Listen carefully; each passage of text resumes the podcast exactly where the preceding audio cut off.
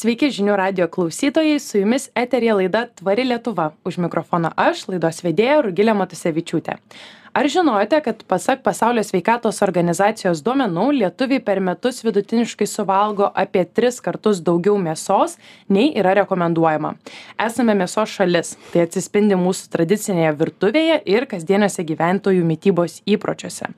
Tačiau kaip žinome netvarus mėsos produktų naudojimas yra vienas pagrindinių klimato kaitos sukėlėjų tad ar esame pasiruošę atsisakyti mėsos ir ką naujausi tyrimai sako apie lietuvos gyventojų požiūrį į augalinę mitybą mums šiandien papasakos organizacijos gyvi gali vadovė meda šermukšnė. Labas meda. Labas rugile ir sveiki klausytojai. Labai smagu kad atėjai. Aš paminėjau kad esi gyvi gali organizacijos vadovė. Tai pirmasis mano klausimas ir būtų aš kiek žinau tai yra visai nauja organizacija tai gal galėtumei papasakoti ką jūs darote? E, taip iš tiesų nauja orga organizacija mes ją įsteigėm tiktai pernai metų vasarą ir pagrindinis siekis mūsų kaip misija yra mes siekiame kad skanus palankus gyvūnams tvarus ir sveikas augalinis maistas būtų be kliūčių prieinamas kiekvienam. Tai mes galima sakyti stengiamės didinti prieinamumą augalinių produktų. Aišku mes įvardijam kaip augalinius produktus bet į tai įeina ir kiti alternatyvieji baltymai kurie galbūt dar nėra e, taip lengvai prieinami apskritai ne, ne tik Lietuvoje, bet ir pasaulyje, kaip kultivuojama mėsa, e, be abejo ir fermentuojami produktai, ta vadinama tokia tikslinė fermentacija, kuri irgi dar nėra galbūt labai e, gerai pažįstama Lietuvos rinkai, bet norime, kad tas, ta pažintis didėtų lietuvių su tokiais produktais. Mhm. Šiaip aš tave pasikeičiau šiandien pakalbėti apie tyrimą jūs, apie augalinę mytybą, bet ką tik papasakai tiek terminų ir dalykų ir inovacijų, kur net pati nelabai žinau, tai jau savo galvoj pasižymėjau kad turbūt teks grįžt ir papasakot plačiau ir apie tas fermentacijas ir apie įvairius dalykus. Bet e, pakalbėkim apie tą tyrimą. Jūs neseniai paviešinote tyrimą pavadinimu augalinė mityba lietuvių akimis kuriame vat ir ištyrėt kaip lietuviai supranta tą vegan nesupranta vertina tiksliau vegetarizmą veganizmą ar yra pasiryžę e, tokios dietos laikytis.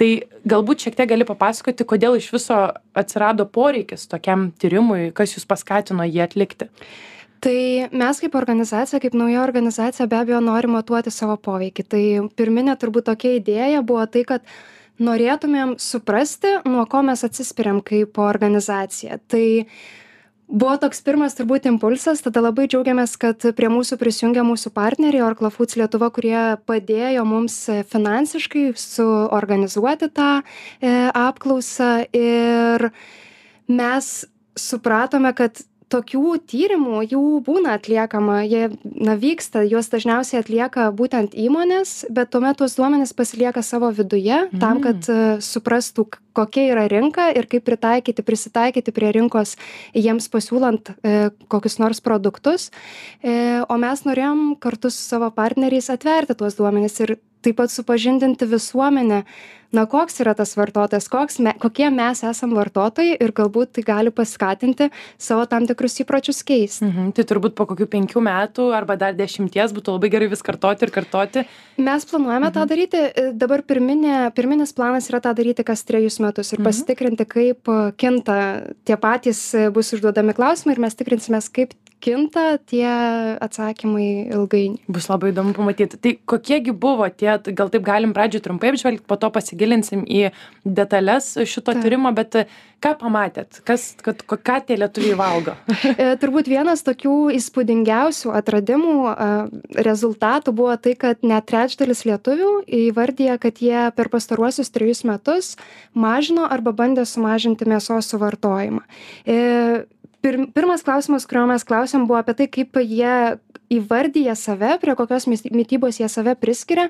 Ir čia mes matome kad labai stipriai atsiliekame nuo europos vidurkio nes tų vadinamų na kaip mes vadinam alternatyviaisiais valgytojais bet į tai įeina tiek veganai tiek vegetarai tiek pesketarai žmonės kurie valgo e, žuvį e, bet nevalgo kitų e, gyvūnų tai ir fleksitarai tai yra žmonės kurie mažina mėsos suvartojimą tai jų yra vos aštuoni procentai kiek mhm. daugiau negu aštuoni procentai kai tuo tarpu europoje vidurkis yra apie na taip svyruoja kai kurios vidurkis yra apie trisdešim procentų bet yra tokių šalių kuriose tokių tų alternatyvių valgytojų yra net virš penkiasdešim procentų o galiu paklausti, gal, gal žinai, kokiose E, šalyse? Nyderlandai yra e, pirmaujanti šalis, jeigu aš gerai atsimenu, ten yra 52 procentai žmonių, kurie, aišku, didžioji dauguma iš, to, iš tų e, žmonių savai vardė kaip fleksitarus, bet taip ten yra apie 52 procentus, Lietuvoje tuo tarpu mes turim vos 8 procentus su truputėliu. Ir e, tai va, bet mažinančių žmonių, kurie mažina, tai tarsi jie yra kaip ir potencialiai galinti savai įvardinti fleksitarais, matyt, gal čia irgi yra tas, kad nėra labai gerai susipažinę lietuviai su tuo terminu, e, bet e, pažindinsim ir tikimės, kad po keliarių, po keliarių metų keisis tie Aš ir norėjau sakyti, ar, ar lietuviai nevalgo, ar va ten jiems tas terminas fleksitaras mhm. yra nepažįstamas, nes man atrodo, kad vegetarus, veganus žmonės girdėję dažnai šiaip maišo ir turbūt gal iš klausytojų kažkas, jeigu vat neskiria, tai vegetaras yra, kuris nevalgo gyvūnų, bet gali valgyti ten pieno produktų, Taip, sūrį ir taip. taip toliau. Veganas atsisako visų e, gyvulinės kilmės produktų, tai skaitant ir kiaušinius, pieną, sūrį ir panašius dalykus. Tai tikrai žmonės kartais dar ir sumaišo tos terminus, bet e, man atrodo statistika vis tiek parodo, kad na, na kaip ir aš minėjau laidos aprašyme, esame mėsos turbūt šalis ar ne. Kaip tau atrodo, vat, kas kas nulėmė tokius rezultatus tiesiog šiaip pa- pa- pafilosofuojant kodėl vat nyderlanduose mes turime virš penkiasdešim procentų žmonių kurie bent jau mažiau tos mėsos valgo o o va čia lietuvoj mes kaip ir minėjau tris kartus daugiau nei rekomenduojama suvalgome ir ir statistiškai beveik va devyniasdešim procentų mūsų save priskaito mėsavalgiam Man atrodo, didžioji problema yra informuotumo trūkumas. Žmonės dažnai nežino, kokios yra grėsmės, kokios ateina grėsmės su per dideliu mėsos suvartojimu. Ir aš esu pastebėjus, kad net ir ta pati, va, tai, ką tu kalbėjai apie e, klimato kaitą, ar ne, kad tai yra vienas iš didžiausių, vienas iš pagrindinių veiksnių. Ir kažkodėl mes aš per pastaruosius tikrai kelerius metus stebiu tą e, tokį viešąjį lauką ir matau, kad mėsa dažnai būna nustumta į paraštės, e, kai mes apgyvulinkystę, gal labiau tiktų sakyti, yra nustumiama į, para, į paraštės, net kai mes kal- kalbam apie klimato kaitą. E, lygiai taip pat dėl sveikatos priežasčių, ar ne, kad nereikėtų tiek daug jos vartoti. Atrodo, kad Lietuvoje tiesiog trūko e, na tokio edukavimo visuomenės ir natūralu kad tada žmonės jie nesupranta kodėl reikėtų mažinti tą mėsos suvartojimą. O mes esam turtingėjanti šalis stipri ekonomiškai stiprėjanti šalis ir visose pasaulio šalyse kurios e, turtingėja yra vis didėjantis e, mėsos suvartojimas. Tai nėra čia kažkokio stebuklo lietuvoje taip sakyčiau. Bet e, dar vienas iš veiksnių ką aš matyčiau tai yra tai kad nebuvo ir tokios nevyriausybinės organizacijos, kuri Mhm. stipriai dirbtų prie to, kurio, kuri būtų sukoncentravusi visą savo dėmesį būtent į mytybinių e, pokyčių klausimą. E, Buvo e, kita organizacija, kuri dirbo tik tai kampanijų lygmenių, o mes dėl to ir įsteigėm šitą organizaciją, kaip matydami, kad tas poreikis tikrai yra didelis. Mhm, aš matau čia didelį poreikį tokios ir aplinkos psichologijos tyrimams šitą temą dar plačiau panalizuoti, kas nulėmė, kad lietuviai netgi kartais aršiai reaguoja, kai išeina kalba apie augalinę mytybą. Na, nebūtinai, ką ir mes kalbame, kad tai nebūtinai yra nevalgyk visiškai, bet, na, sumažink iki rekomenduojamos dozės arba nu, normos, arba valgyk tą tokią tvaresnę Lietuvoje užaugintą mėsą. Tai tikrai tai tokia dar yra jautri ir skaudi tema. Em, Norėčiau truputėlį tai panagrinėti tą jūsų tyrimą. Em, Mane pačią labai sudomina tai, kad buvo ganėtinai didelis skirtumas tarp na ne ganėtinai bet skirtumas tarp lyčių ar ne vat. Tai gal gali šiek tiek papasakoti kaip čia vyrai ir moterys skirtingai šitą šitą mitybą žiūri Man atrodo, na, nesunku pastebėti, kad apskritai mėsa dažnai yra asocijuojama su tokiu vyriškumu. taip. Ar ne? Ir tas yra tie, aišku, priežastys yra irgi labai įdomios ir, ir visai įdomu yra tą stebėti, kad kažkada buvo pradėta mėsa, na, toks marketingas buvo pradėtas kurti, kur, na, visi vyrai prie kepsninių, e, kepantys šašlikus ir panašiai. Ir tada natūralu, kad žmonėms ta asociacija, susis, na, tas tiesiog tas susietumas atsirado. Ir tada kažkaip matyt dauguma vyrų nesijaučia vyriškais, jeigu jie nevalgo mėsos. Ir- arba galvoja kad nepavalgys Taip, jeigu yra- nebus mėsos Yra ir to be abejo. I- Ir aišku, irgi yra to pastebima kad moterys yra tai pastebima kad moterys e, apskritai yra labiau na jos labiau domisi savo sveikata savo mityba lietuvoje. Mes ypatingai matom didelį skirtumą ar ne sveikatos prasme ilgaamžiškumo galbūt prasme labiau reikėtų sakyti. Tai e, tai taip tai natūralu kad moterys labiau domisi sveika mityba ir sveika mityba natūraliai ateina su mažesniu mėsos vartojimu. Mhm. Tai kokie buvo procentai, e, kiek moterų ir kiek vyrų iš apklaustųjų, nežinau, gal pameni tiksliai, bet daugiau mažiau? Aš labai tiksliai negaliu pasakyti, mhm. taip ne, neatsimenu, ataskaita visa Aha. yra, internete galima surasti ją mūsų puslapyje, tai jeigu kažkam yra įdomu, taip. tikrai gali tuos tikslius skaičius pasakyti.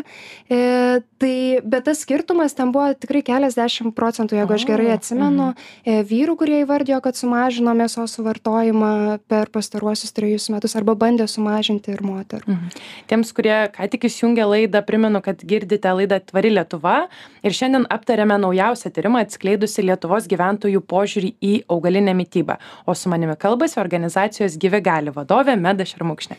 Tai Meda, man dar vienas labai įdomus dalykas pasirodė tyrime, kad, taip, pacituosiu, daugiau alternatyviųjų valgytojų yra tarp aukštąjį išsilavinimą turinčiųjų jaun, jaunesnių, aukštesnės pajamas turinčių respondentų.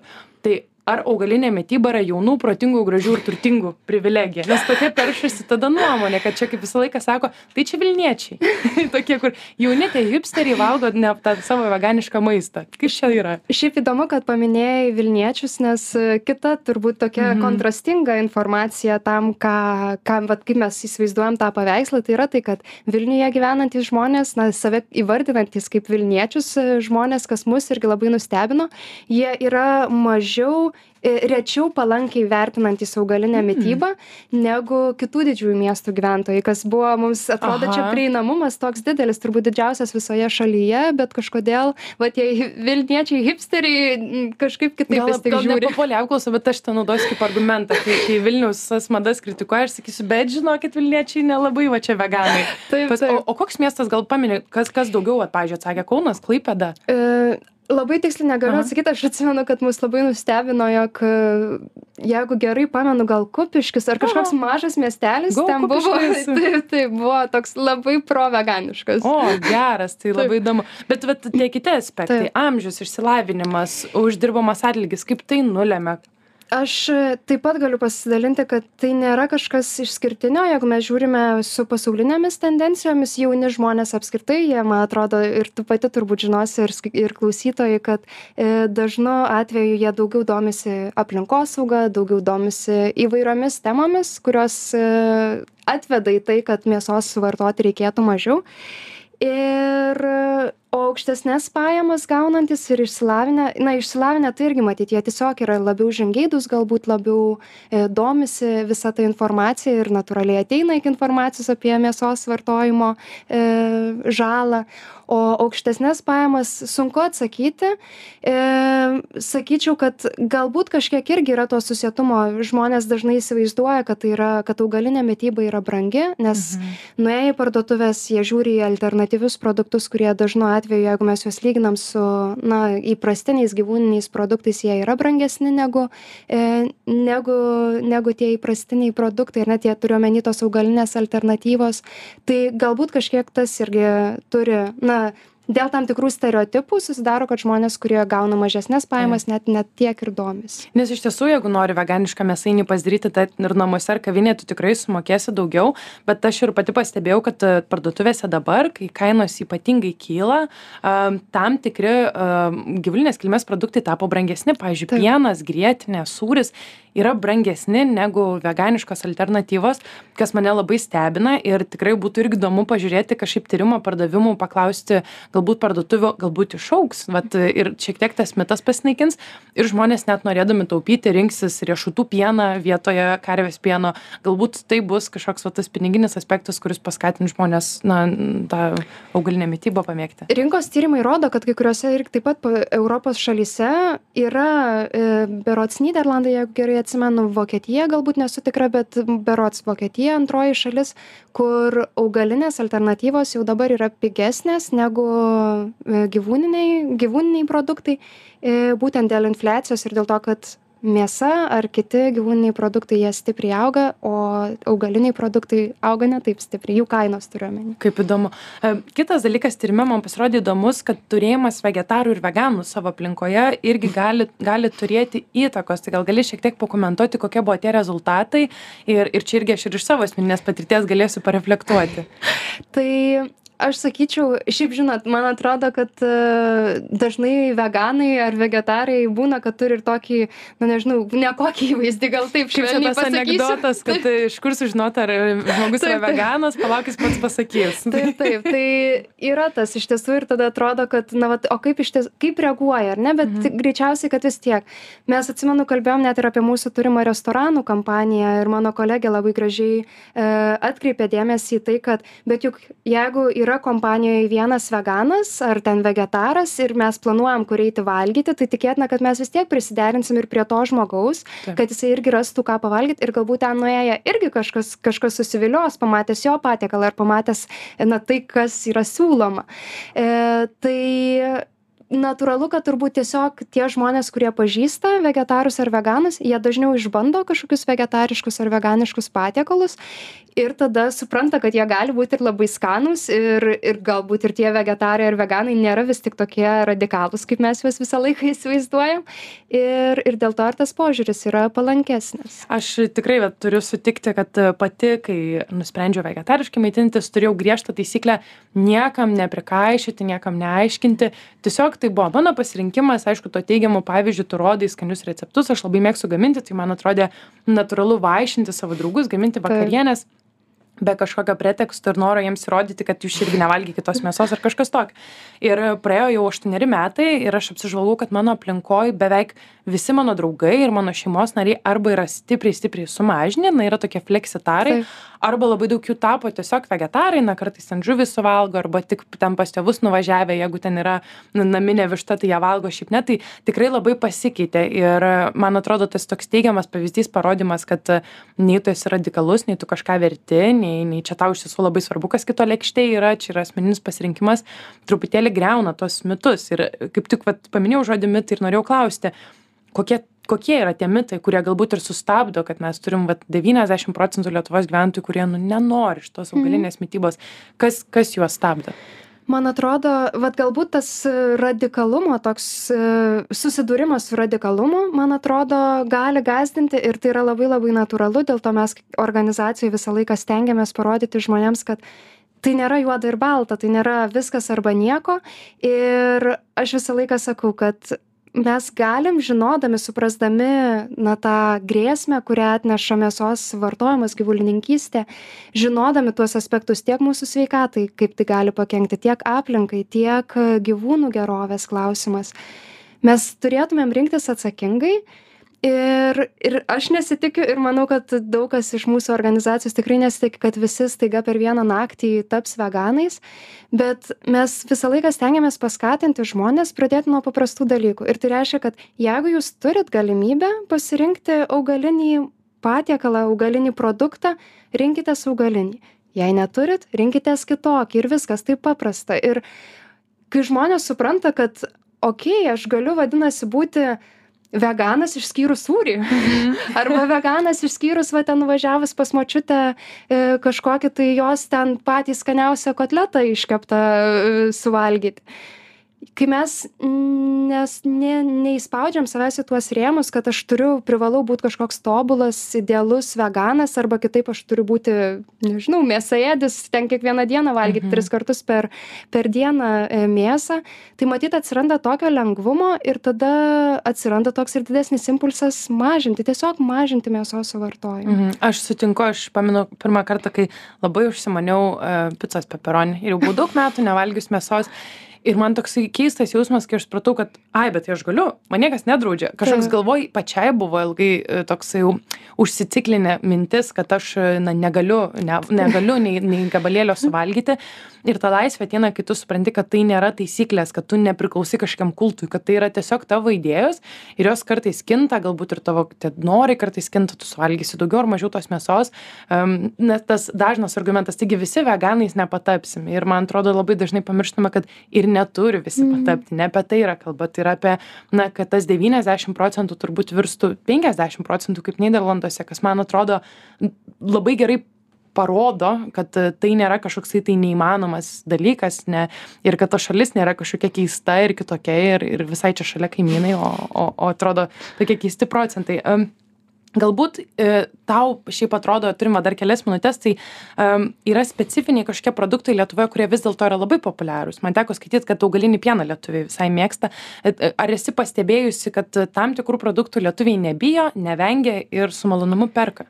E augalinis pienas jisai visur pasaulyje taip pat labai populiarėja. Tai yra tikrai e, jeigu mes taip žiūrim kokius e, rinkoje galima sakyti pasiema kokią rinkos dalį pasiema ten jeigu mes galvojam apie kažkokias mėsos alternatyvas ar kiaušinių alternatyvas ar pieno alternatyvas tai augalinis pienas yra tikrai pirmaujantis ir aš manau kad tai susiję su tuo kad yra tiek daug rūšių kurios yra tokios skanios ir ir gali kiekvieną dieną vis išbandyt kažkokią kitą. E ir ir tai manau susiję su tuo kad daugybė žmonių yra alergiški e laktozei. Jie netoleruoja tiksliau laktozės ir tuomet ieško kuo pieną pakeisti ką ką įsipilti į tą savo rytinę kavą ar e su kuo valgyti dribsnius. Ir tada jie ateina iki na to pieno augalinio pieno skyriaus ir taip ir tai yra tikrai populiarus produktas ir lietuvoje. Šiaip labai įdomus pokalbis ačiū meda tau už pokalbį. Laida kaip visada taip greitai prabėgo bet e, tiems kurie ką tik mus įsijungėt labai gaila praleidot įdomų pokalbį kurį kurį galite rasti žinių radijo svetainėje po tvari lietuva laidos skiltimi. E, na su manimi kalbėjosi gyvi gali organizacijos vadovė meda šermukšnė ir šiandien kalbėjomės apie naujausią tyrimą e, kuris tyrinėjo lietuvos gyventojų požiūrį į augalinę mitybą. O jeigu norite sužinoti daugiau apie augalinę mitybą mitybą ir tvarų gyvenimo būdą. Tą visada galite padaryti apsilankę svetainėje www taškas tvari lietuva taškas lt ačiū meda tau už pokalbį. Ačiū